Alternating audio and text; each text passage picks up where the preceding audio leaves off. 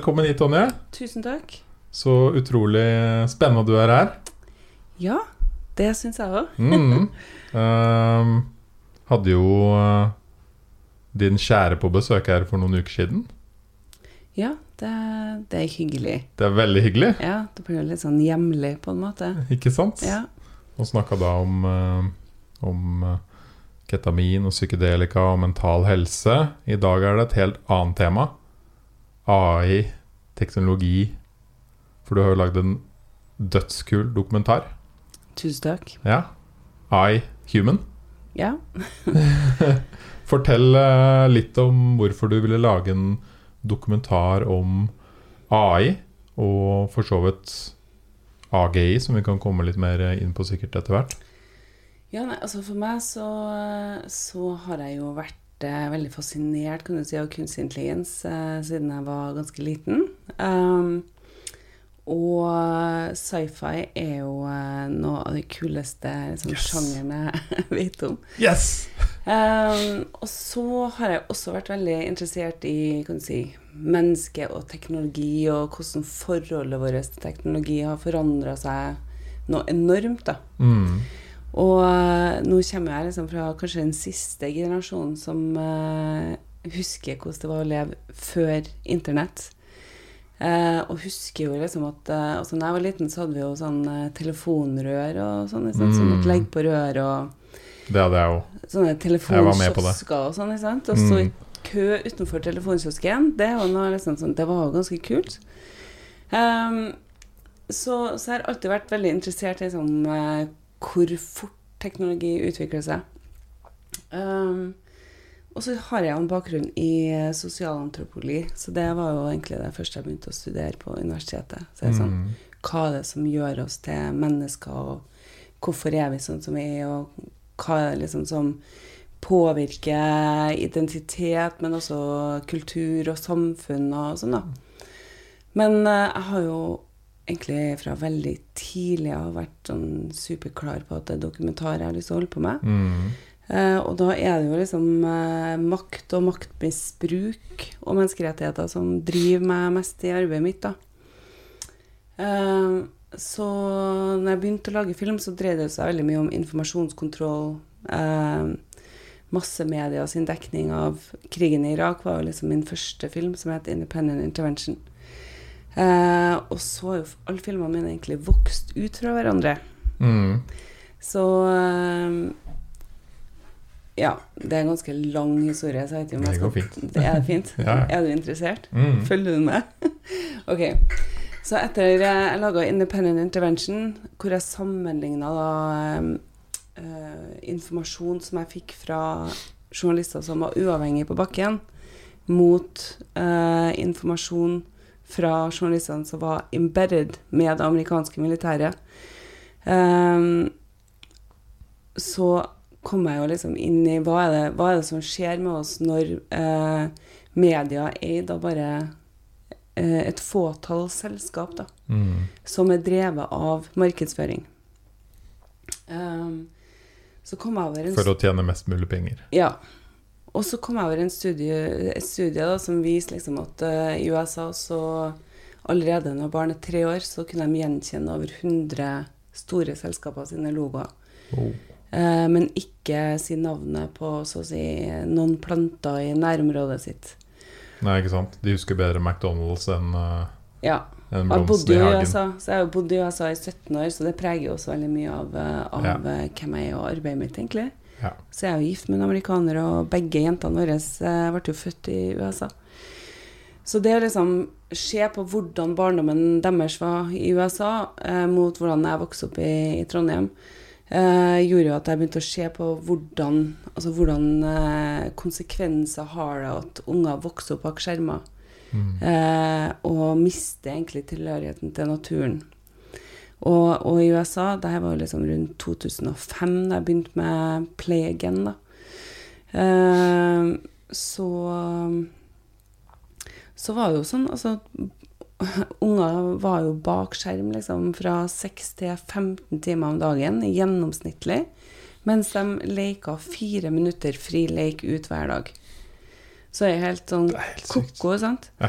Så det, det gjorde jo veldig veldig stort inntrykk på meg å ta med liksom, en gjeng eh, ungdommer ut i naturen for første gang. Liksom, bort fra elektrisitet og nett og Og det å se liksom, en 15-åring svømme i elv for første gang, mm. det var ganske Det var sterkt, altså. Mm. Så mens jeg jobba med Plegen, så, så um, holder jeg jo på mye med gamere og, og sånn, og kom over en eh, historie om en gamer som da droppa ut av school og joina militæret. Hvor han da veldig kjapt ble plukka opp av uh, uh, The US Air Force, som uh, kjørte han inn i droneprogrammet. Og når han var 19 år, så, og uten noe særlig opplæring, så var jo han en instruktør for andre dronepiloter. Oh. Så, og da når jeg fikk liksom ideen til drone, da, så bodde vi i USA, men så flytta vi tilbake til Norge. Så det var liksom, drone var første filmen jeg laga fra Norge. Mm. Og der følger jeg jo en dronepilot som dreper med en joystick. Eh, og følger folk som lever under droner på bakken i, i Pakistan. Og Det er så vilt. Ja. Det, Og det var den 19-åringen, eller var det en annen? Nei, det var, det var Brandon Bryant som, eh, som eh, var dronepiloten vi fulgte. Um, og mens jeg jobba med drone, så hadde de jo et kjempeproblem fordi at det er så mye posttraumatisk stress blant dronepiloter. Så da kom de jo opp med en, eh, kan du si, en ny måte å, å takle det på, var jo liksom gjøre dronen, altså selve våpenet, eh, mer menneskelig. Og så gi dronen en stemme. Eh, gi dronen også mer og mer kan du si, autonomi. da. Mm. Eh, og så begynte vi å liksom se litt nærmere på det, og da så vi jo liksom at uh, autonome våpen lå veldig høyt i pipeline til, til våpenindustrien. Og så begynte jeg å se på hva er teknologien bak her. Hva er det som gjør det her mulig? Hvor sikker er den? Og da kom jeg jo inn i kunstig intelligens. Ja. Og det var jo 2014. Uh, Og det har skjedd en del innen, ja, innen 2014. det, altså jeg var da? liksom bare sånn uh, Holy shit. Hva er det som skjer? Altså, hvorfor er det ingen som snakker om det her? Hvorfor vet vi ikke For det, for det jeg oppdaga liksom, da, var jo at eh, kunstig intelligens ikke bare forandra moderne krigføring, eh, men også allerede var så å si overalt rundt oss. Ja. Eh, uten at eh, noen snakker om det, uten at folk vet eh, liksom, hva den teknologien her innebærer. Eh, men også så er det sånn, herregud eh, Når du har en såpass altomfattende teknologi da, som har potensial til å forandre så å si alt, så er det jo skikkelig viktig at vi snakker om det. Mm. For å finne ut av eh, ja, hvilken vei skal vi gå, er det, hva er det vi liksom har nødt til å være oppmerksom på, hva er det vi må vite. da. Så kunnskap liksom, om teknologi er jo kjempeviktig. Så, eh, så da bestemte jeg meg for å lage iHuman. Og det har vært en fantastisk spennende reise. Ja. Ja. Jeg var jo Jeg har jo sett den to ganger.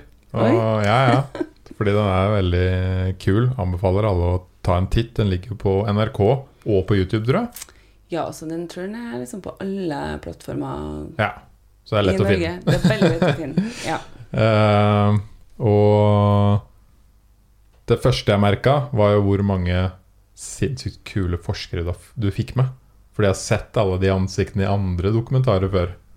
Hvordan var det du liksom la opp en plan og fikk de folka med på det, egentlig? Det er et veldig godt spørsmål. Ja. Nei, altså Det er jo det som kanskje tar mest tid når du jobber med dokumentar, i tillegg til å finansiere den opp, da, eh, er jo å gjøre research og få tilgang. Yes. Eh, og det å få tilgang liksom, til, til dataingeniører Ja, og de beste i tillegg, da. Ja, Noen av nei, de beste, i hvert fall. eh, jeg, jeg var jo også sånn, altså med drone så var vi jo liksom oppimot CIA og US Air Force og Centcom og bare, det var helt sånn crazy. Sånn. Så jeg var jo litt sånn, når jeg skulle begynne med Human, så er jeg sånn Yes! Nå får jeg jobbe med Google og Facebook og liksom sånne selskap som styrer veldig mye av, av eh, livet mitt, da. Eh, så jeg var jo meganaiv, ikke sant. Så jeg fikk jo litt sånn eh, Ble veldig overraska, egentlig, over uh, hvor mye informasjonskontroll de selskapene der har, da. Så først var jeg liksom sånn Nå skal jeg lage en film der på innsida av de store tekstselskapene og virkelig komme liksom inn i hvilke uh, utfordringer de står overfor, og muligheter, uh, så Um, og der var det så stengte dører. Ja. Mark Zuckerberg opp, bare uh, Ja, nei, men altså, jeg endte opp liksom med å uh, føle at Google særlig da, intervjua meg for å melke meg mer og mer og mer om hva vi gjorde i filmen. mm. Eh, og altså, vi flydde jo over til London og hadde møte med masse sånne Google-folk for at de ville at vi skulle liksom Eller de sa at det var mulig at vi kunne være med inn i DeepMind. ikke sant?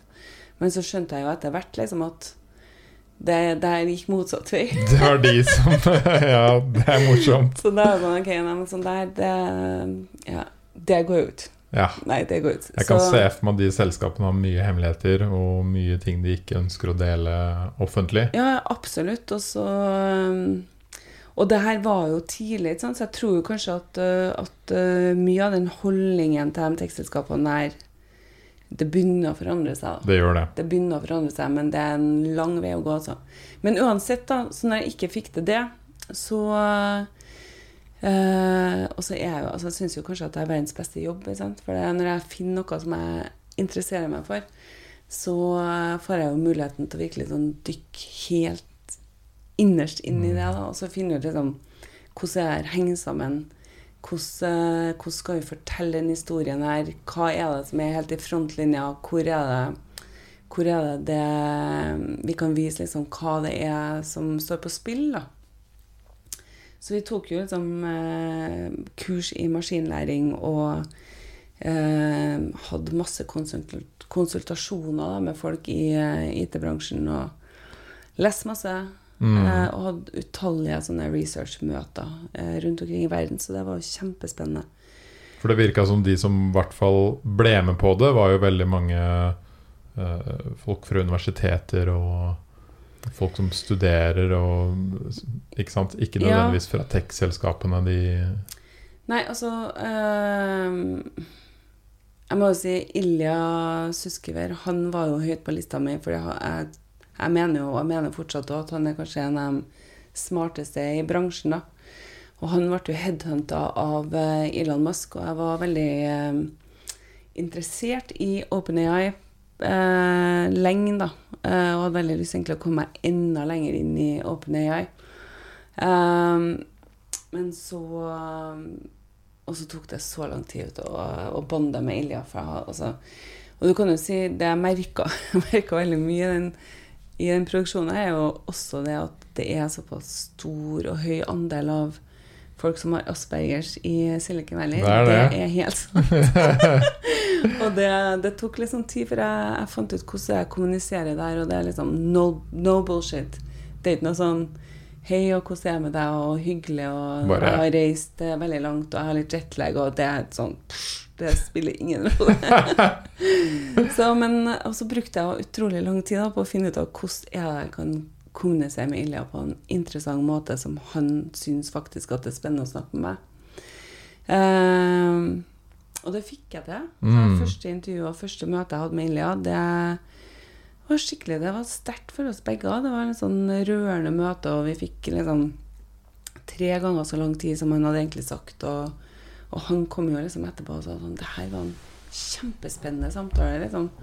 Og gleda seg til neste gang. Og så Mm. fant jeg ut liksom akkurat når er det jeg kan snakke med Ilja. Og klokka åtte i San Francisco da, Jeg vet ikke om han liksom satt på do, eller om han drakk kaffe, eller Men da, da hadde han liksom fem minutter. Så hvis jeg teksta han da, så fikk jeg svar med en gang.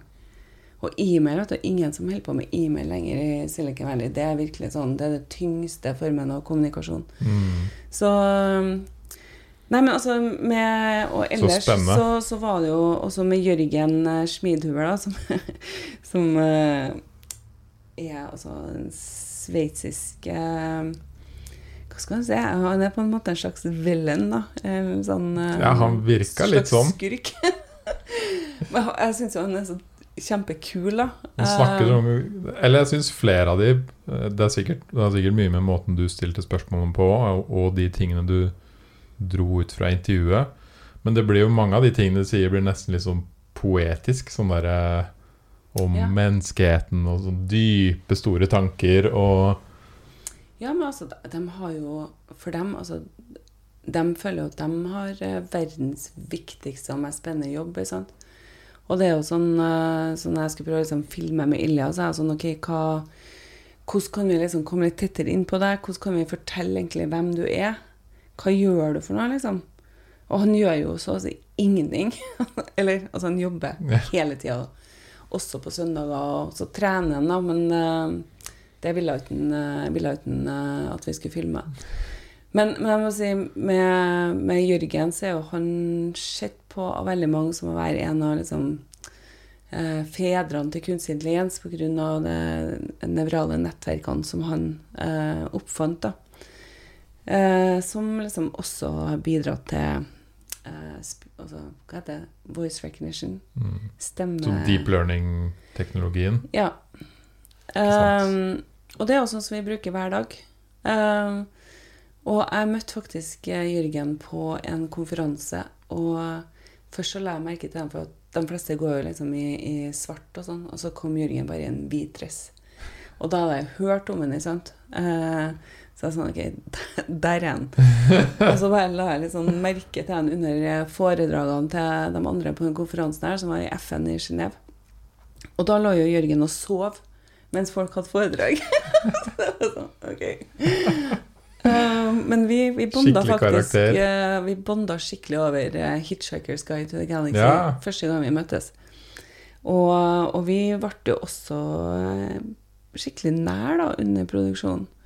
Så vi er jo sånn sender jo liksom meldinger til hverandre innimellom, og det er ikke så lenge siden altså sånn Plutselig fikk jeg en e-mail som var sånn 'Tonje, her skulle du vært', liksom. Og så, ok, hva holder du på med? Nei, i går så snakka jeg med Putin. Jeg bare, ok, shit. ja. Nei, altså, det, det, har vært, eh, det har vært veldig, veldig spennende å følge liksom, kan du si, noen av de fremste forskerne i, Mm. i teten.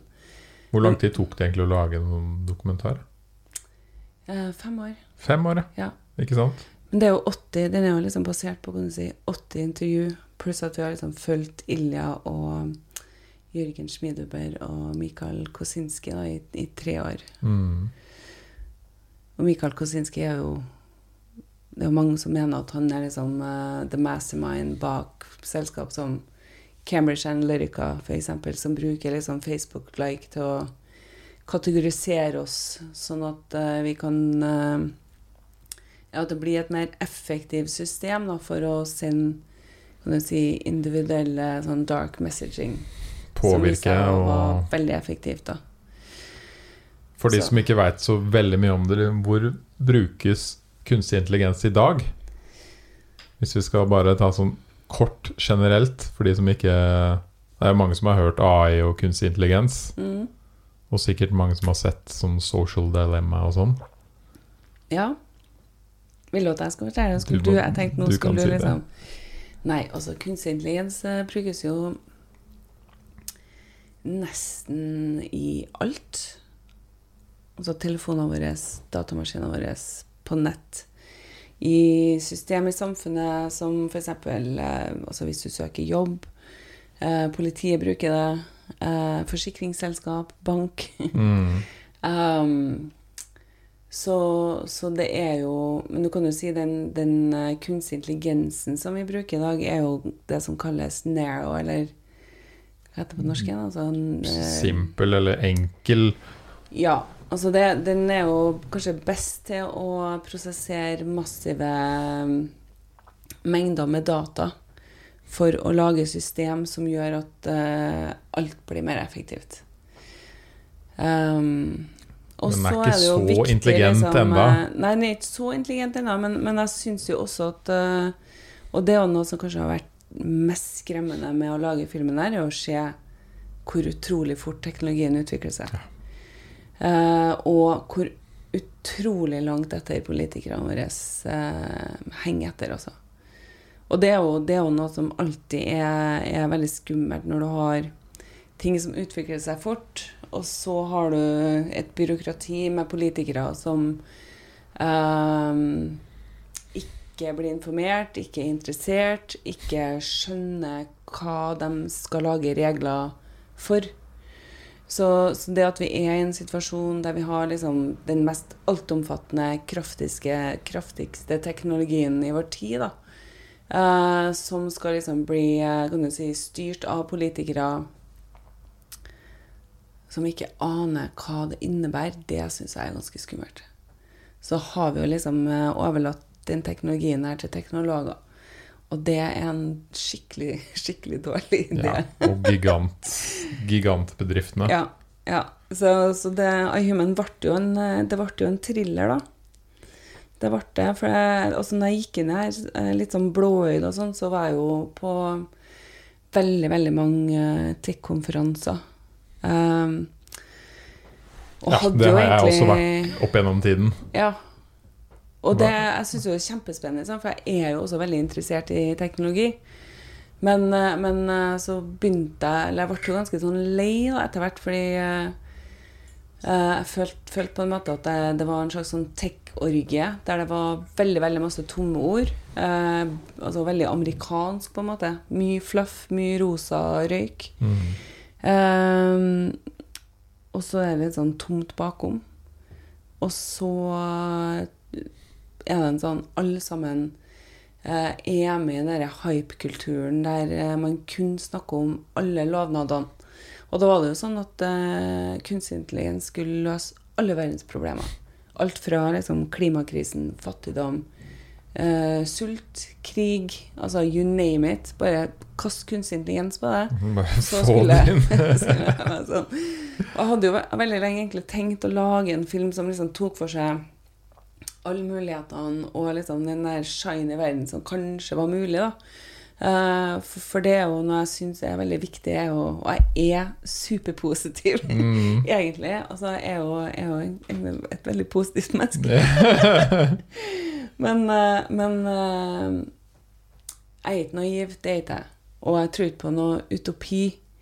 Og, og, og sitte bare i tech-konferansene her og bare høre liksom på alt det som var mulig, mens ingen snakka om de store problemene vi står overfor med te teknologien i dag, da, sånn som den brukes i dag.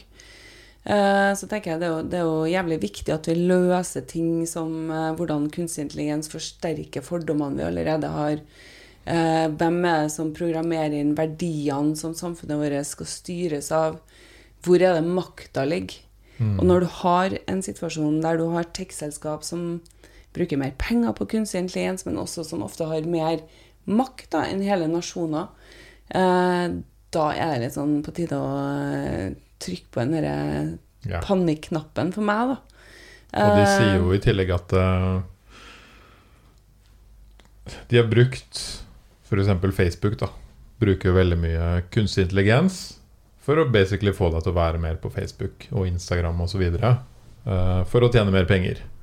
In, in the end. Mm, Uh, og de sier jo selv at de algoritmene med kunstig intelligens, de står jo og går hele døgnet. Men folka som har på en måte lagd starten på de, de veit egentlig ikke nede i details hvordan de funker lenger, hva de lærer. nei. Det eneste målet til den algoritmen er jo å tjene mer penger. Og få Mm. deg til å være mer på sosiale medier. Og det fører jo til akkurat det du sier. Hvis de at eh, Hvis den algoritmen ser at du har klikka på noe, og den veit at uh, 10 000 andre som har klikka på det, også ble tent av å klikke på noe annet som kanskje var enda litt mørkere eller enda litt mer inn i en konspirasjonsteori eller lignende, så vil den også vise det til deg. Og så går man dypere ned i in the rabbit hole, ikke sant. Ja. Det, det, er jo, det er jo ganske Det er jo som en sci-fi-film. Det er det. det er så, jeg synes jo Hvis vi bare tar en liten sånn puss i bakken, så syns jeg liksom at eh, Matrix eh, var egentlig en veldig sånn profetisk eh, film, da. Eh, Netflix er jeg har sett den ganske mange etter jeg holdt på med Eller mens jeg holdt på med um, iHuman. Og den blir jo egentlig bare bedre og bedre. Mm.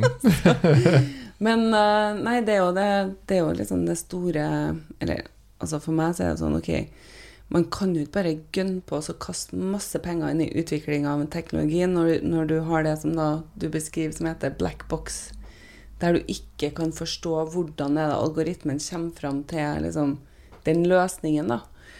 Uh, så, så, det, det er liksom med, med skitne datasett, uh, der du ikke vet hvordan dataene er samla inn, hvordan verdier det er som ligger til grunn for datainnsamlinga, og hva er hensikten med det. Og, og, jeg mener jo at det er så viktig at vi liksom våkner opp og begynner å forstå at data er ikke noe Det er ikke noe liksom sånn et tørt ord, da. For vanligvis hvis du sier data, så mister du en veldig stor del av befolkningen, da. Mm. Men hvis du liksom får frem at data er faktisk hvem du er, det er identiteten din, det er liksom det du gjør, det er det, dem du er sammen med, det er hvor du er. Også det, kanskje det du planlegger, og det du tenker, og etter hvert også mer og mer hva du føler, da.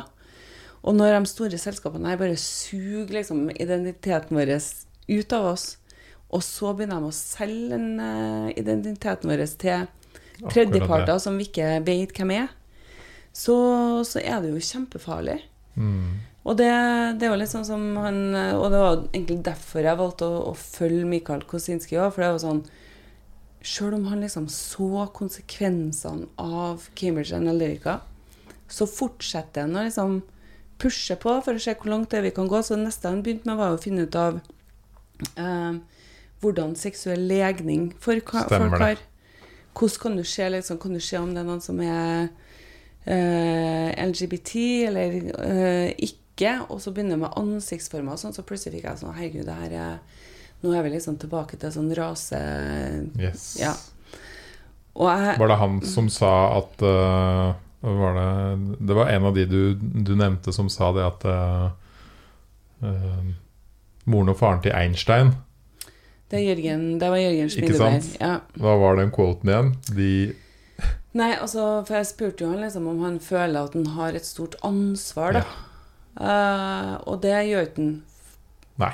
Nei. Han sa bare tror du, tror du, moren og faren til Einstein følte at de hadde et stort ansvar? Ja. Det, var det dems, liksom? Ja, nei, men det Han var helt sånn Nei. Hvorfor? Nei, han er fullstendig Og han er bare sånn, han er ikke så veldig sånn uh, uh, menneskesentrert. Det er han jo også veldig åpen på, fordi han føler Og det var jo kjempeinteressant egentlig å sitte liksom, samme med labben hans i Sveits. Ja, den så helt vill ut òg. Ja, den er superkul. Ja. Men, og de folkene som jobber her, altså, de er jo kjempesmarte. Sånn, så det å sitte liksom og diskutere med dem, eller bare også være litt sånn eh, hva, heter, hva, heter, det? Flue på veggen? Mm. Men eh, Å høre hva de snakker om. Jeg er sånn Wow! De, de er liksom sånn eh, de mener jo at vi mennesker har, har uh, fucka opp så mange ganger at vi har liksom fått de sjansene vi fortjener. Og nå er det på tide med liksom en ny form av intelligens som kan hjelpe oss å, å rydde opp i rotet vi har laga, og skape en bedre verden. Eh, og de jobber jo også for at, uh, at robotene skal ta over mer og mer av jobbene våre. Eh, altså Jørgen sitt, sin lab, da. Eh, og så sier de det er på tide at vi begynner å redefinere hva det vil si å være menneske. Hvorfor gir det oss så mye mening å ha en jobb å gå til? De vi... tingene er veldig spennende. Ja, det er kjempespennende. Ja, jeg elsker å snakke om de selv. Det er superspennende.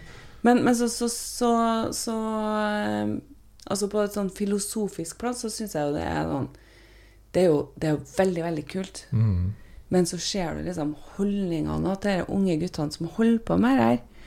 Uh, som gjør at jeg får jo Og jeg blir jo litt, føler meg litt sånn voldelig nesten når jeg sitter her bare sånn Å, herregud, jeg greier ikke å holde meg rolig. For jeg, særlig i San Francisco så går du liksom og tråkker over hjemløse folk som dør på gata. ikke sant? Ja.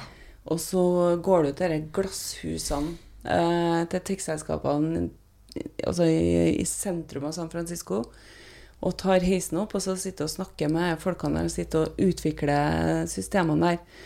Og det er jo unge gutter som har vokst opp bak dataskjermen, som ikke har peiling på Altså livserfaringa deres kommer fra den virtuelle verden. Så når jeg spør dem liksom, ok, hva, hva er målet egentlig, hva, hva håper dere å oppnå?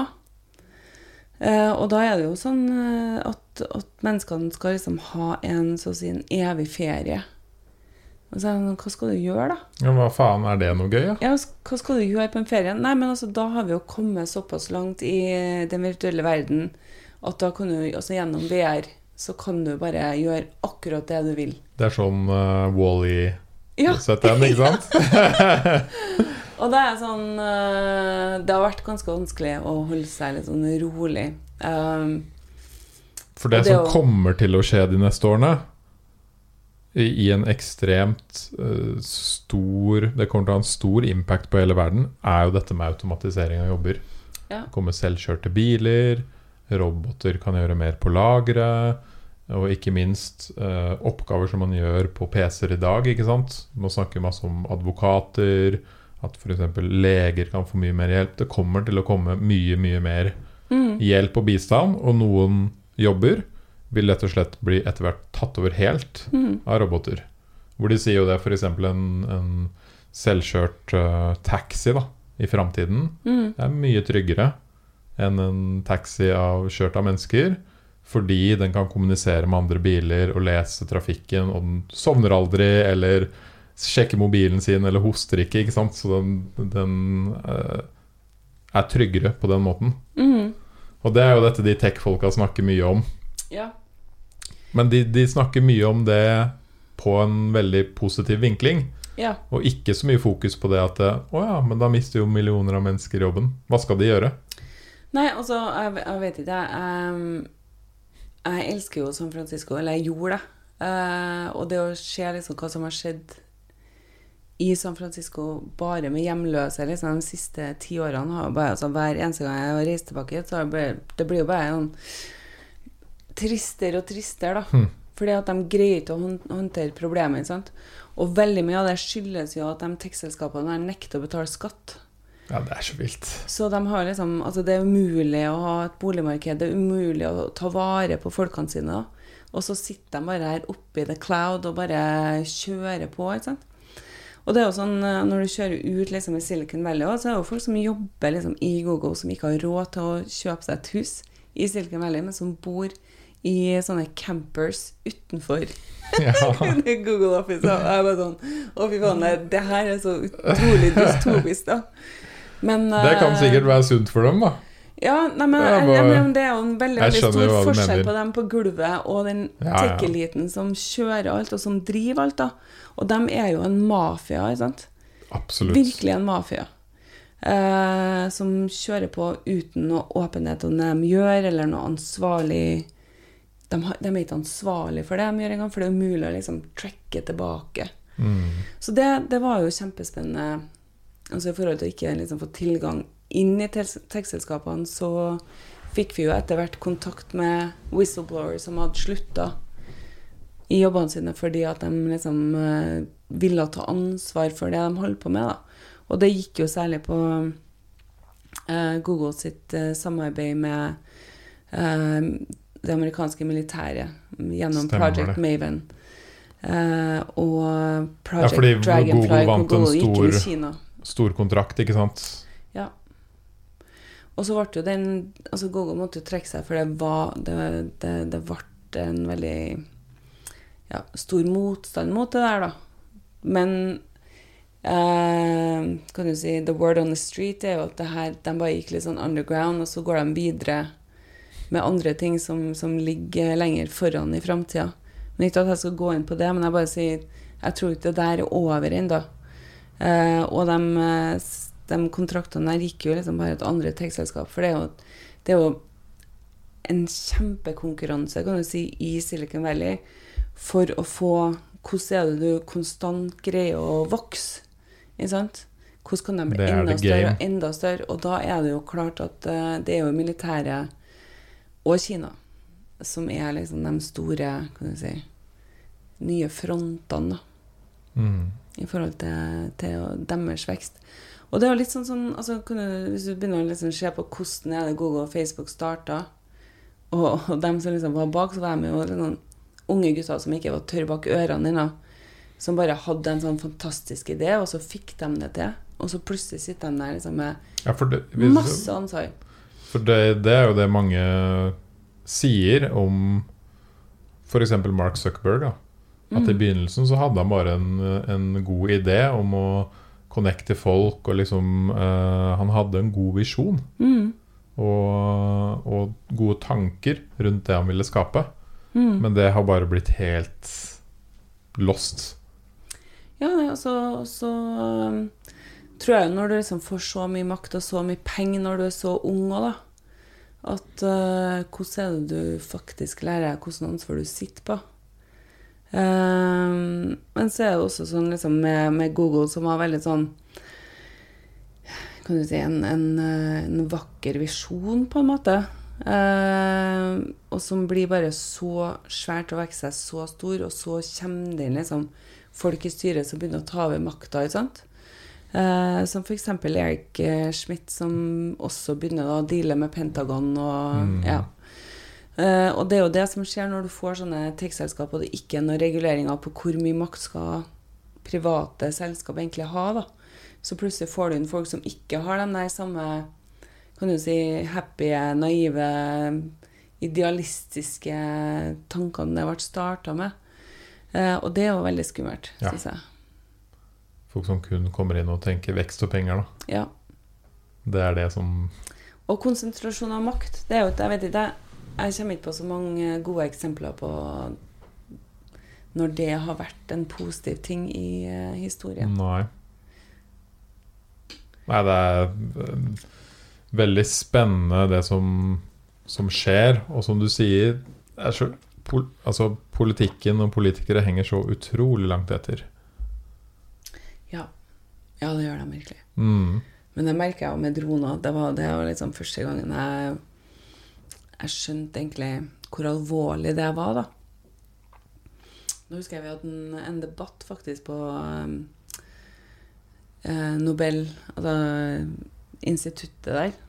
Ikke instituttet, hva er det? Altså senteret. No- Nobels ja, fredspris, senter. senter ja.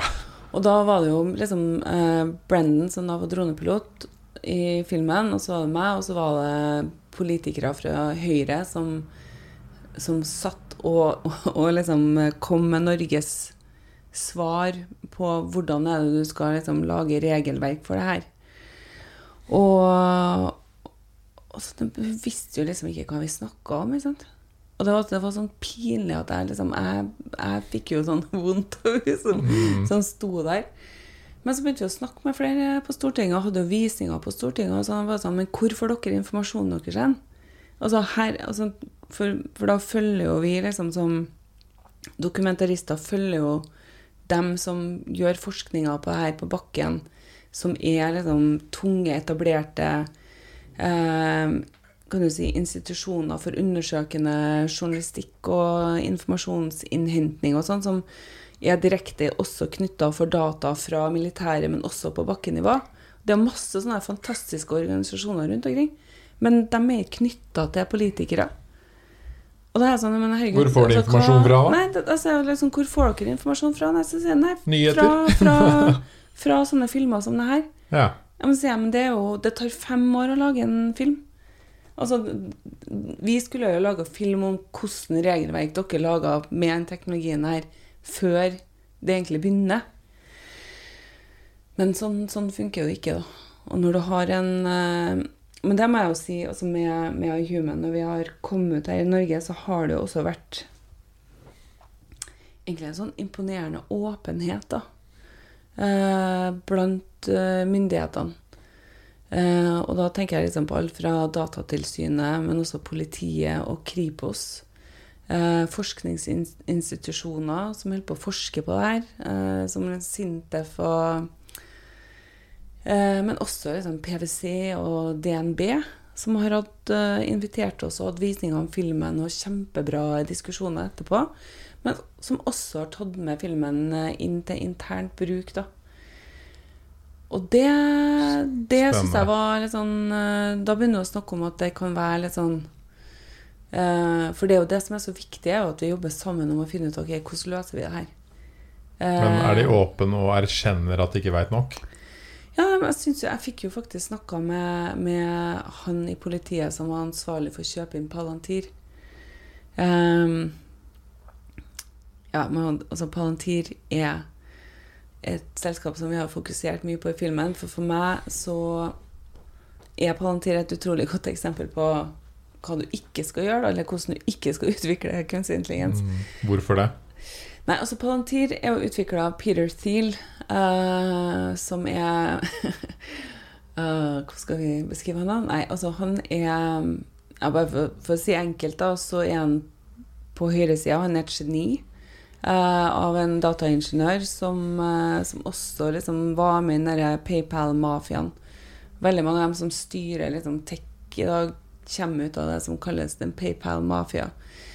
Så han tjente masse penger kjempefort. Og, og hadde, jo også et nettverk kan du si, av dataingeniører som er på høyresida, og som med alle pengene de tjente, så, så skap, skapte de på en måte ikke en sekt, da, men en slags sånn gutteklubb som bestemte seg for at de skulle også jobbe for å få politisk innflytelse. Hmm. Annet uh, Mercer, som funda Cambridge Analytica. Um, og Peter Thiel, han eh, var jo eh, også, kan du si Etter 9-11 så starta han eh, Palantir eh, for å komme gjennom alt av sosiale medier for å kategorisere eh, oss, da, brukere. Eh, og da skrøt de jo veldig liksom, av hvor effektivt system de hadde laga som kunne peke ut liksom, hvem det var som var journalister, studentaktivister, Greenpeace Altså alle progressive grupper var liksom kartlagt. ikke sant? Eh, og der ble det liksom et viktig redskap inn i krigen mot terror. Eh, og når Trump kom inn, så var jo Peter Deal en av dem som funda valgkampen til Trump. Og når Trump kom inn, så fikk jo Palantir kjempekontrakter inn ja. i liksom US Defense. De har også vært kjempeinstrumentuelle i ICE, som er liksom uh, den uh, si, organisasjonen i USA som har tatt seg av all av immigration. Og altså, horrorbildene vi har hatt på grensa til Mexico, f.eks. Så, så Piretil er ganske sånn høyt på en sånn alarmliste til meg. da. Uh, og det er også Palantir. Fordi vi, vi kan jo ganske med godt grunnlag si at datasettene som den kunstige intelligensen her er trena på, ikke står så veldig eh, godt overens med de demokratiske prinsippene som Norge bygde på, da. For eksempel. Nettopp.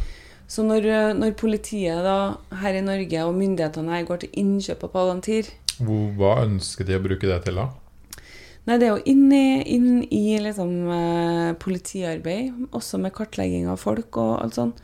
Og nå kan du jo si den, den programvaren som politiet har kjøpt inn Og, og jeg har jo nå snakka lenge med han som sto for det valget der. Eh, og han sier det var jo kjempevanskelig. Men de får jo et mandat fra si, myndighetene om at de skal kjøpe programmene som er mest effektive, eh, billigst eh, og ja, billigst og best, da. Basically. Ja, ikke sant. Typisk. Ja. Og da, siden da har du jo De valgene du står med da, er jo fra eh, selskap som Palantir, selskap fra Israel eller selskap fra Kina. Ja. Så det, så, og det der koker jo egentlig ned til liksom, kanskje det er en av de sånn hovedgreiene som jeg har eh, helt på å pushe på litt med human da, fordi jeg mener ikke jeg er imot kunstig intelligens. Altså, jeg ser jo at det er kjempepotensial her hvis vi bruker det riktig. Men da må vi finne ut av hvordan skal vi bruke det her på en måte som kan du si, gagner alles beste. da, Og ikke bare gagner en liten tech-elite. Uh, så jeg mener jo faktisk at, uh, at, her i Norge så bør vi bare kaste oss rundt og liksom utvikle vår egen kunstig intelligens. Eh, som kan være med å liksom styre våre formål. Privat eller offentlig? Offentlig. Ja. offentlig. Ja, for det er jo garantert. det du sier, og som er vanskelig i, i hele det spillet her, er jo at uh, når en privat aktør gjør det, så blir det ofte Altså da handler det jo ofte om penger og vekst. Ja. Ikke sant? Ja. Men det er jo det han har snakka med politiet også, det var en helt håpløs uh, situasjon. Og hun i Kripos òg. Det, det, det, er det vi dealer med, liksom. Så det er, sånn, det er jo om å gjøre å legge press på myndighetene, så de forstår liksom at det som er billigst og best, best innenfor kunstig intelligens, er ikke eh, overens med de etiske prinsippene som vi har nødt til å bygge samfunnet vårt rundt. For det skulle jo vært en siste del på en sånn vurdering Ja, av eller software. Er den etisk? Ja, eller Ja. først? Ja. Altså én av tre, da. Ja, i, i hvert fall. Og ha en når den stor ikke engang er med i det hele tatt. Men, men der, der kommer vi jo tilbake til der du er i den situasjonen. Dette er jo en konsekvens over at du har overlater teknologien til teknologene. Det er akkurat det.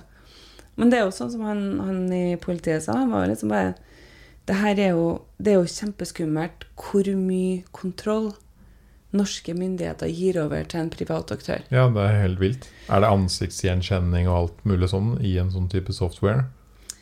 Det de har eh, innkjøpt nå og det, altså, det er jo ikke at jeg sier at uh, de har fullstendig transparente. altså, Vi kan ikke være naive her i Norge heller. Altså, det er jo ikke at jeg heller forventer at politi og Kripos skal fortelle alt meg over en kopp kaffe. men, men det jeg vet, er jo altså, Vi har jo liksom blitt kalt inn faktisk gjennom filmen her til en utredning sammen med politiet i forhold til det vi ser på som faremomenter i forhold til å bruke kunstig intelligens. Eh, og- og det var jo også kjempeinteressant. For de står jo liksom overfor de spørsmålene som vi tar opp i filmen, og de har ikke noe svar. Og det bare durer på. Ja. Så det kommer. Det kommer, sorry, altså, det var sånn hysterisk latterkrampe. ja. What? Ja, men det kommer, det kommer, så da Ja. Det er bare å begynne å så um, komme opp med noen gode sånne løsninger til hvordan er det vi kan ha litt sånn ansiktsmaling, eller hvordan er det vi kan bli litt usynlige. Sant? For det er jo sånn Det er jo ingen nesten som tenker på um, Altså, hva er det egentlig Hva vil det si å ha et privatliv, da? Og det er jo sånn som, som sånn, altså Mikael Kosinski sier i filmen, da. Og det må jeg si, det neste etter han liksom gikk fra å kartlegge seksuell legning, så gikk han jo til å kartlegge hvordan politisk eh, overbevisning er det du har. Og da var jeg sånn You motherfucker. Ja. Don't get close to me. Og det skal veldig lite til òg. Det er jo det de finner ut basert på liksom Hvis de kan analysere Facebook-profilen din eller Instagram-likesa dine eller noe sånt, så skal det ikke så veldig mange likes eller uh, delinger til før man klarer.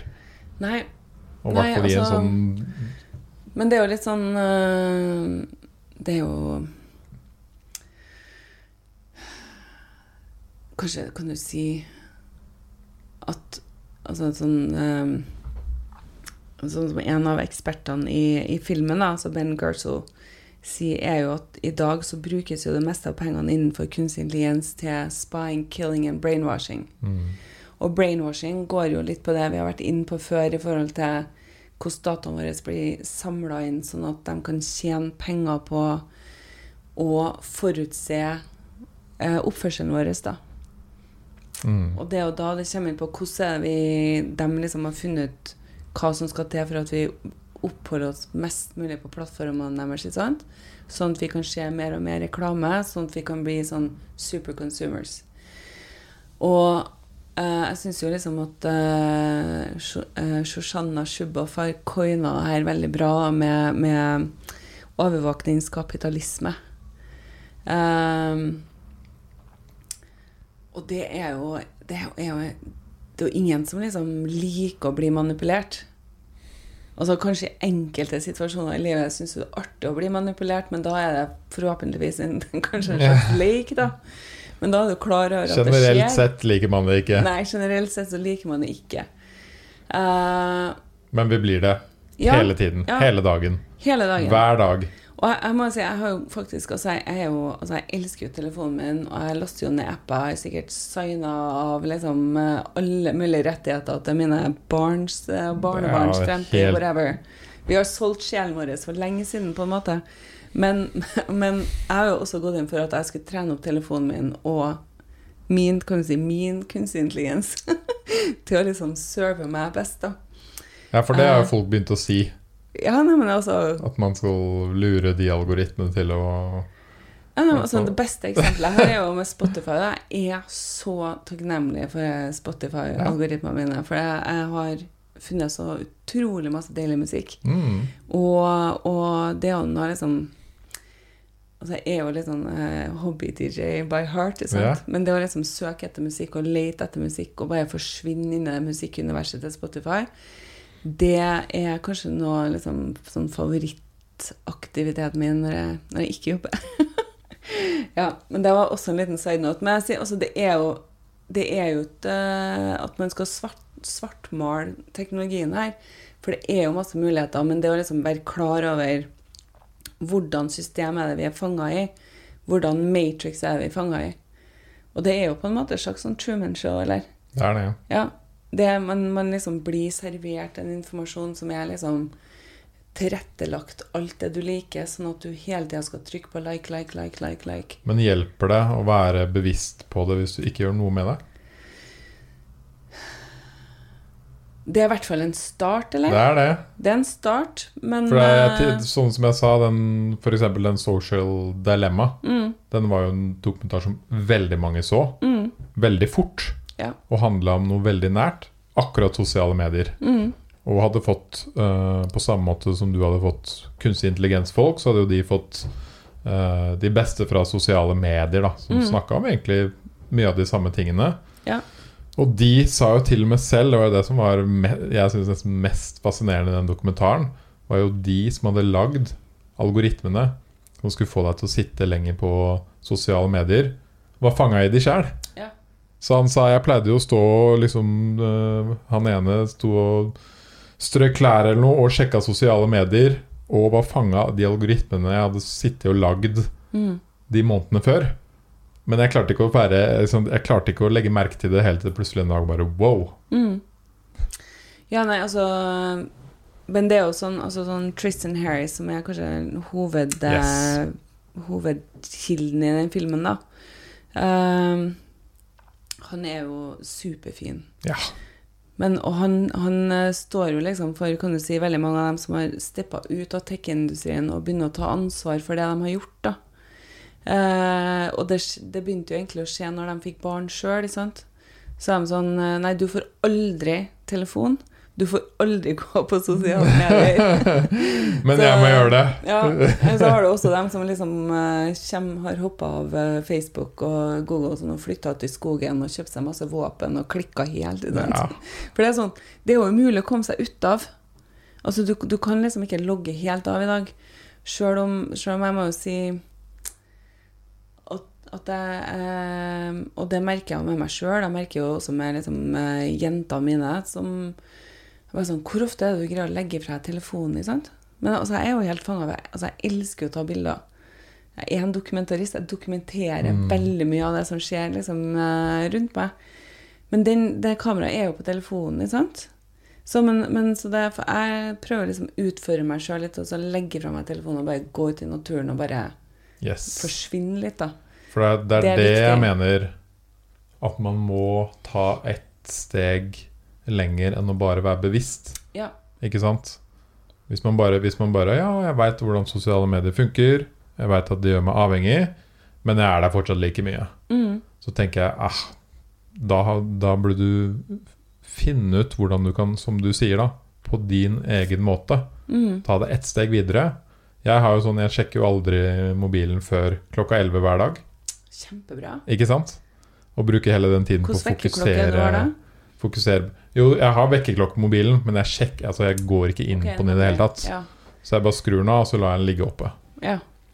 Og så får jeg fokusert, jeg får lest, Det er jeg jo får så et fantastisk Det er helt konge.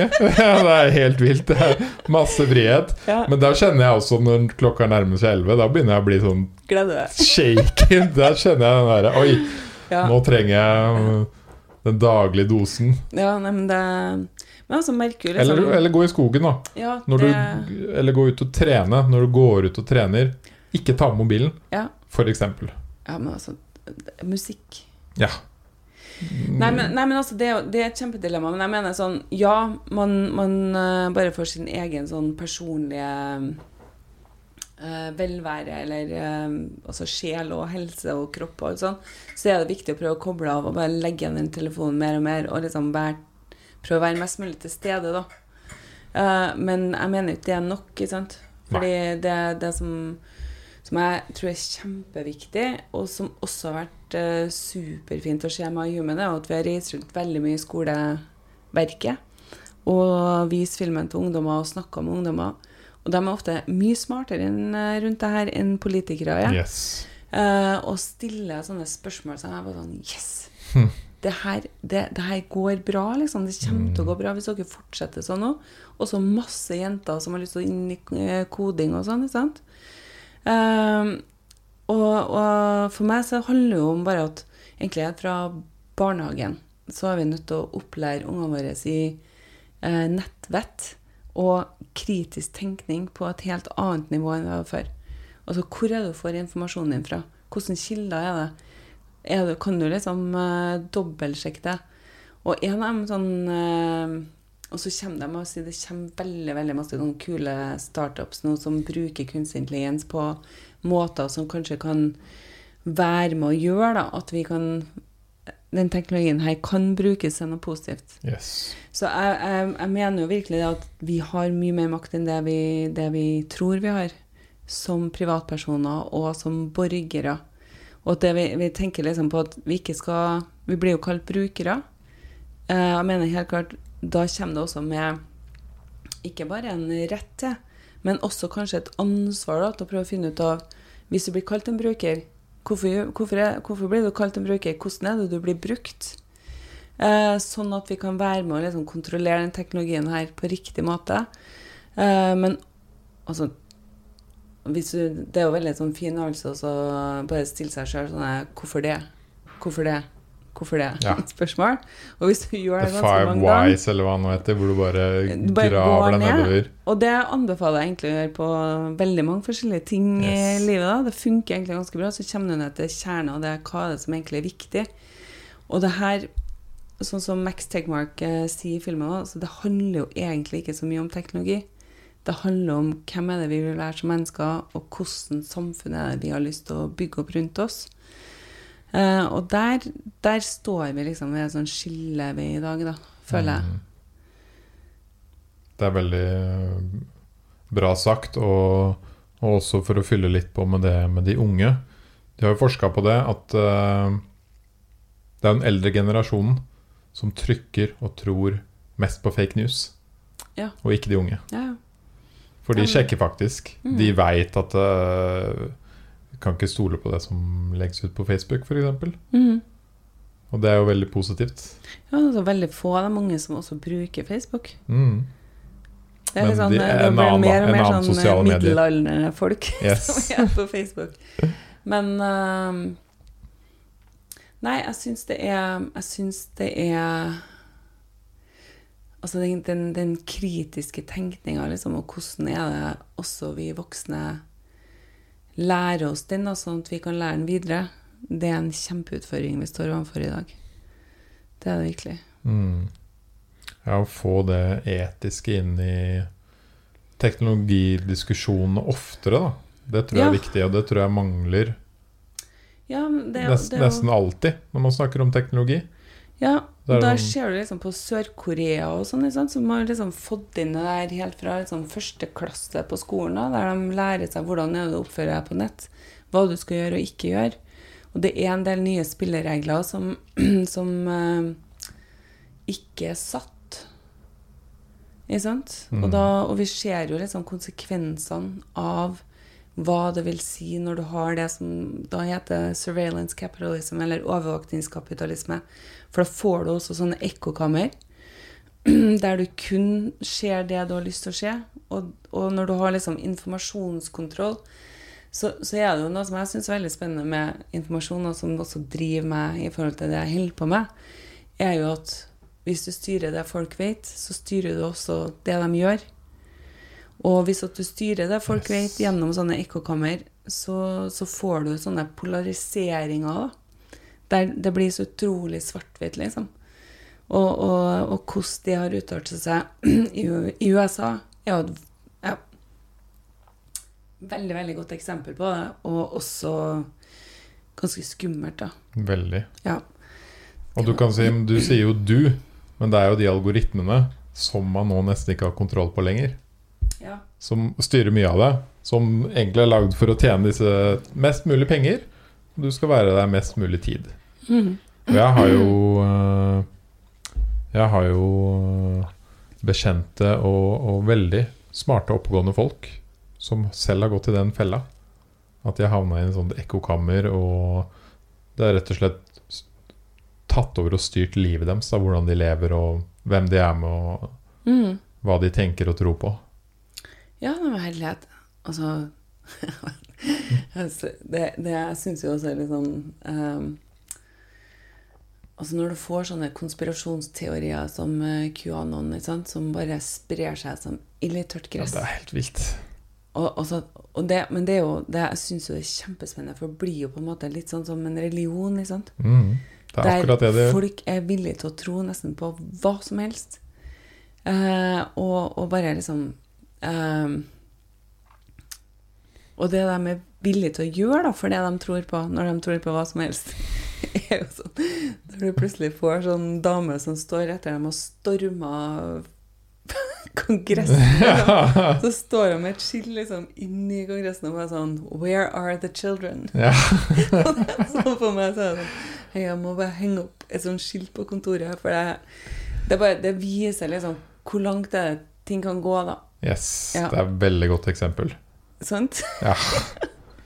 Ja, Når du altså, så skal, den Man skal jo ikke flire av det, for det er jo faktisk veldig alvorlig. Men det er jo også ganske komisk. ja, når du så liksom bildet av den gjengen som var inne på Kongressen, Ja. med vikinghjelmer og maling og Og som du sa, og det som også er veldig interessant med det, er at alle har jo forskjellige skilt.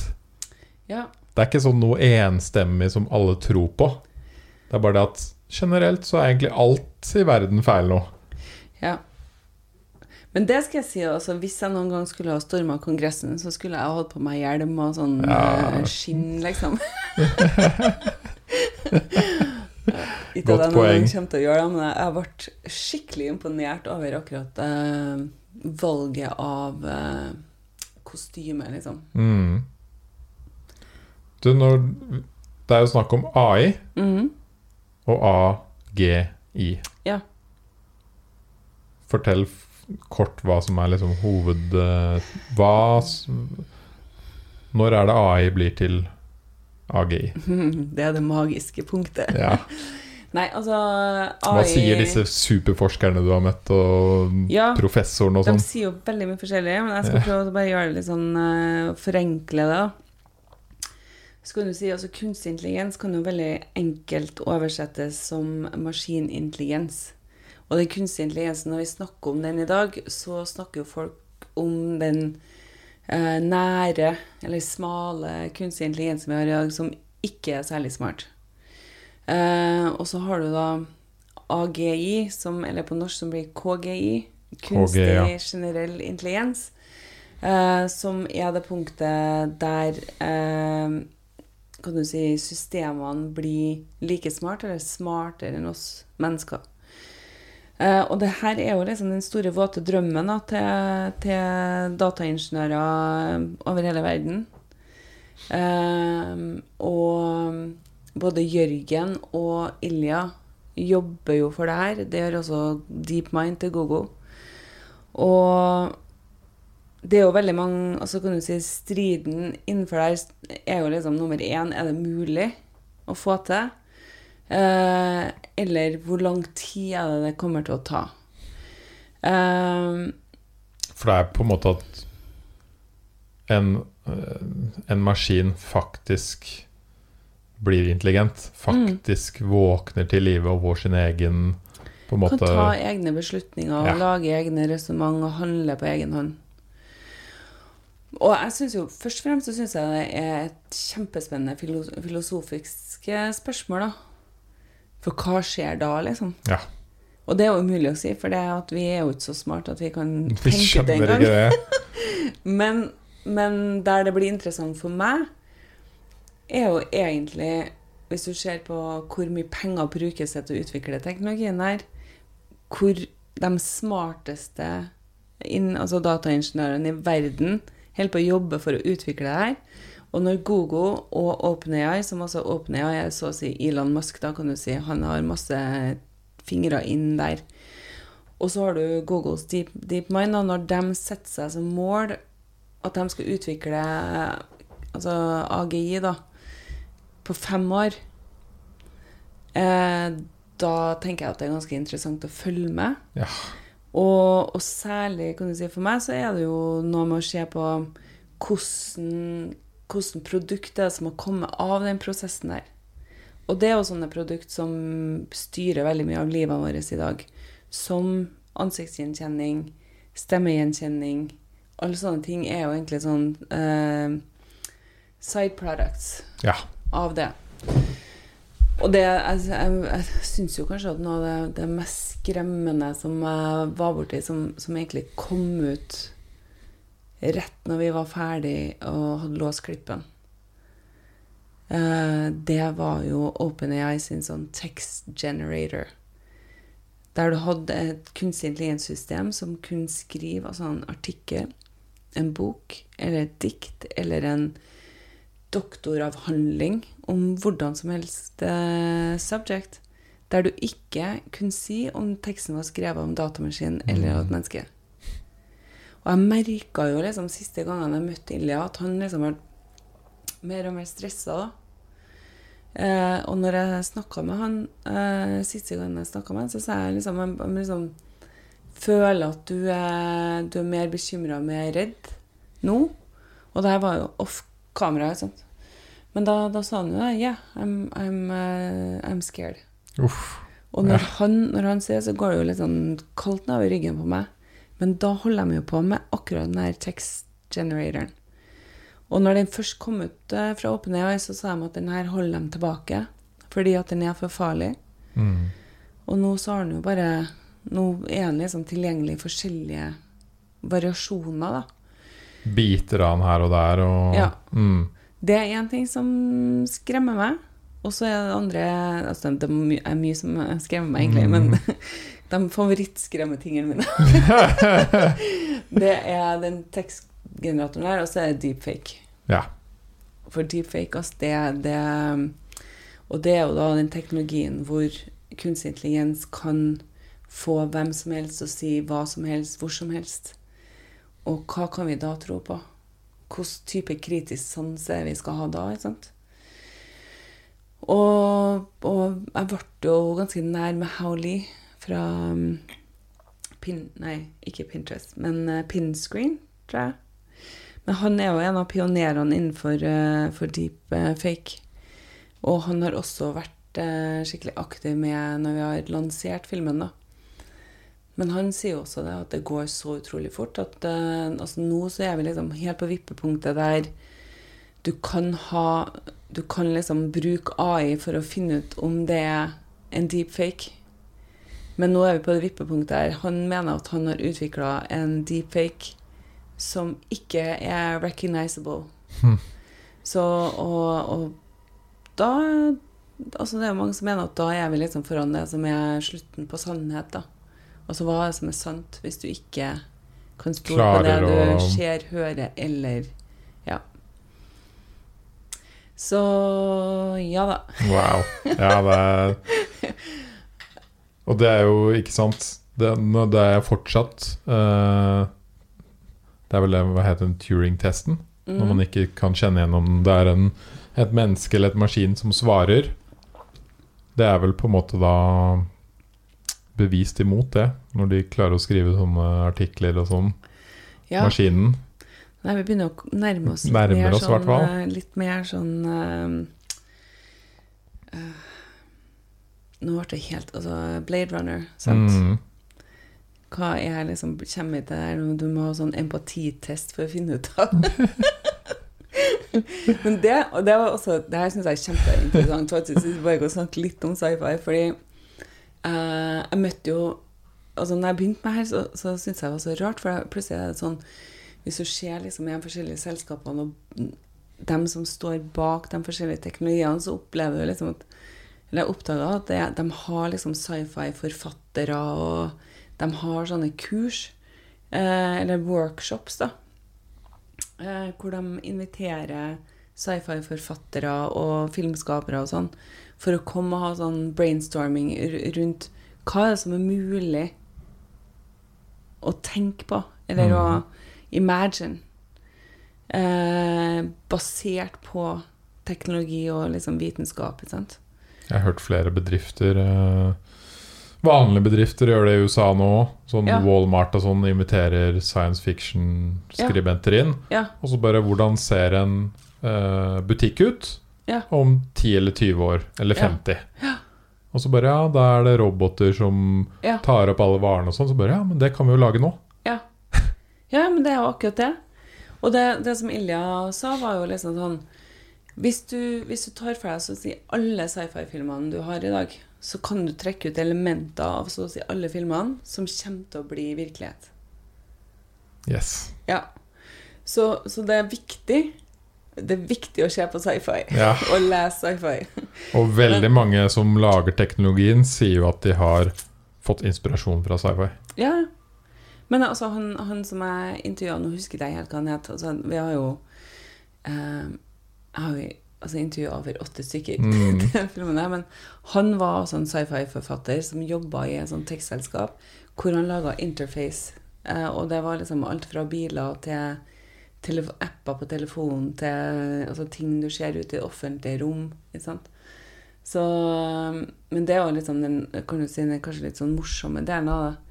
Det blir jo ikke like artig når det dreier seg om krig eller eh, overvåkning, da, som det, det dessverre ofte gjør. Ikke sant? Ja. Så, men eh, um, jeg fikk jo liksom en invitasjon til å være med i et panel om sci-fi Ja. eh, på Deichmanske, og det var så spennende. Mm. Og da, da er det jo folk som forsker liksom på hvordan er det Hvis vi sier liksom at sci-fi er kanskje den eh, nærmeste måten som vi kan forestille oss framtida på, da, har vi også da en mulighet til å For veldig, veldig ofte så handler jo liksom sci-fi om hva som skjer etter at alt har gått til helvete. ja. Veldig mye sci-fi går det jo galt ofte. Ja, det er jo, Om teknologi teknologien det er jo som det liksom går galt. Hva er det som skjer i mennesker midt oppi en, en dystopi, da. Men det som jeg er veldig interessert i, og når jeg går inn i sci-fi, og nå sier jeg når, da, da tenker jeg at da, da skal en se litt på litt sånn mer utopiske ting, da.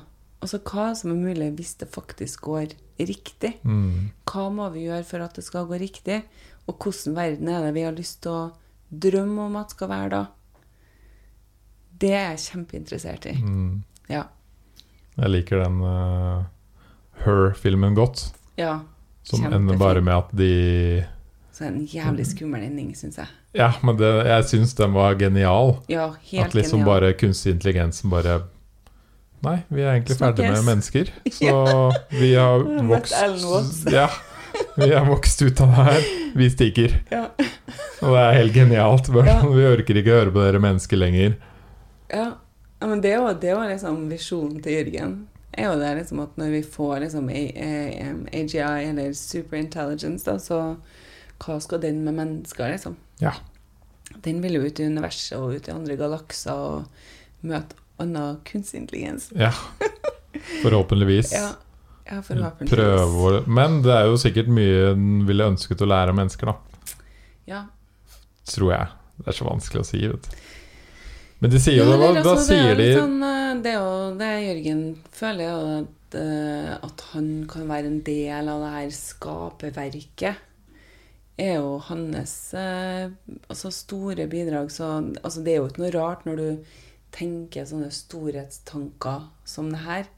Altså, du lever jo en litt annen virkelighet. Ja. Og går i hvit dress. Og du går i hvit dress.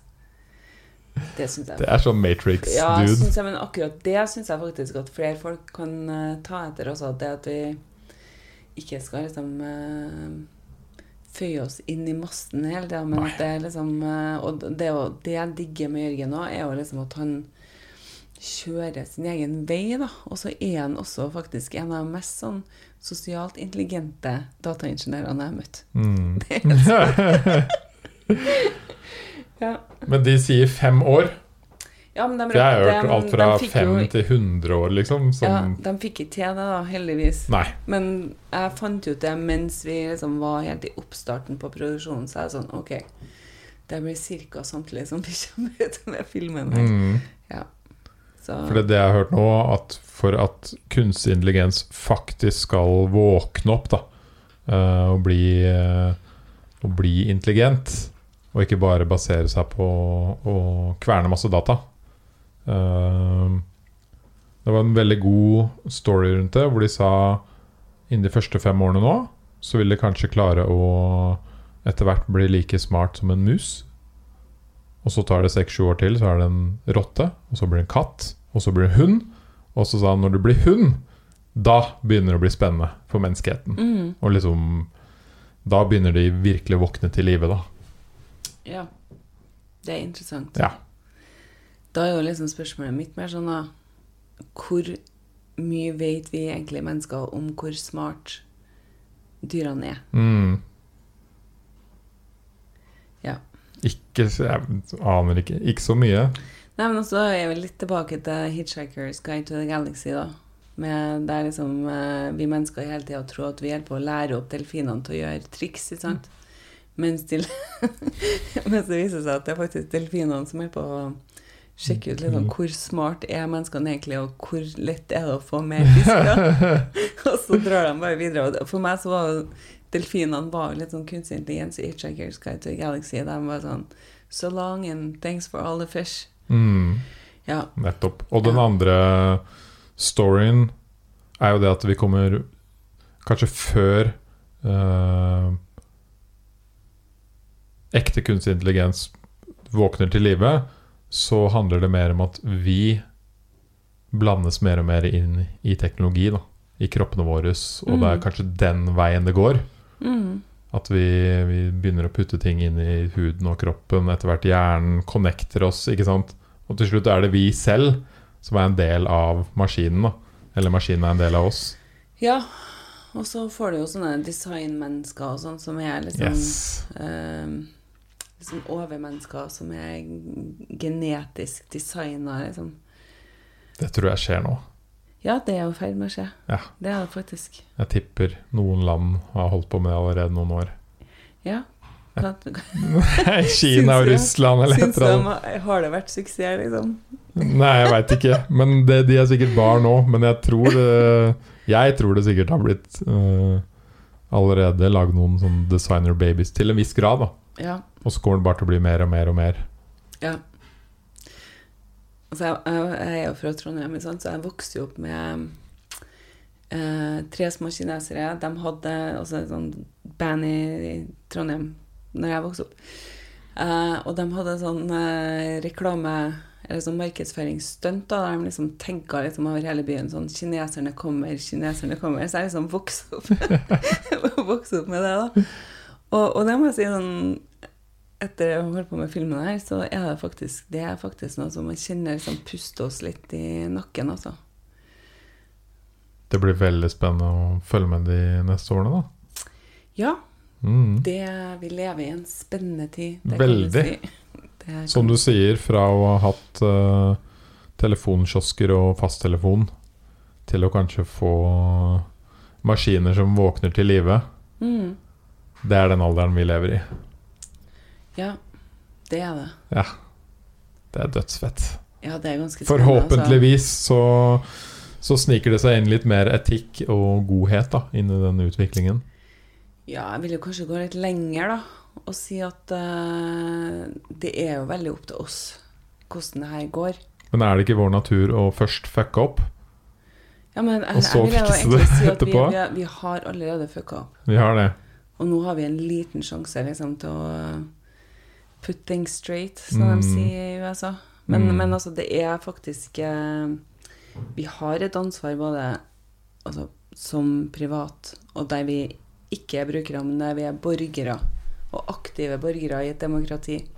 Vi er megaprivilegert, Mm. særlig her i Norge, som bor i det demokratiet vi gjør. Det er helt vilt. Og da er det faktisk, eh, mener jeg, da, at vi har et ansvar i forhold til hvordan er det vi bare ikke ja, kaste bort eh, mulighetene vi har da, til å faktisk eh, være med og bidra inn at eh, den utviklinga her kan gå riktig vei. Mm.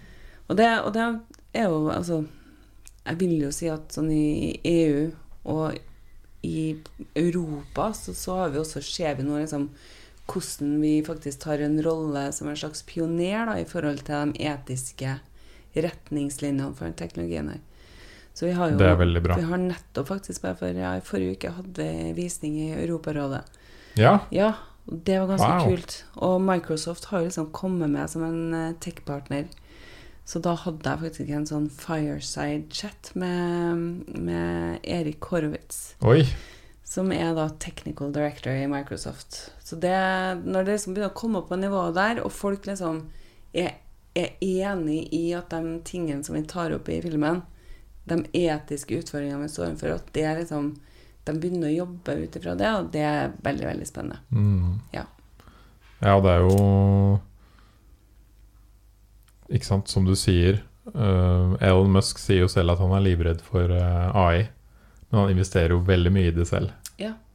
Så da vil man jo være med på det å være i fronten for å bedre forstå. Da. Ja.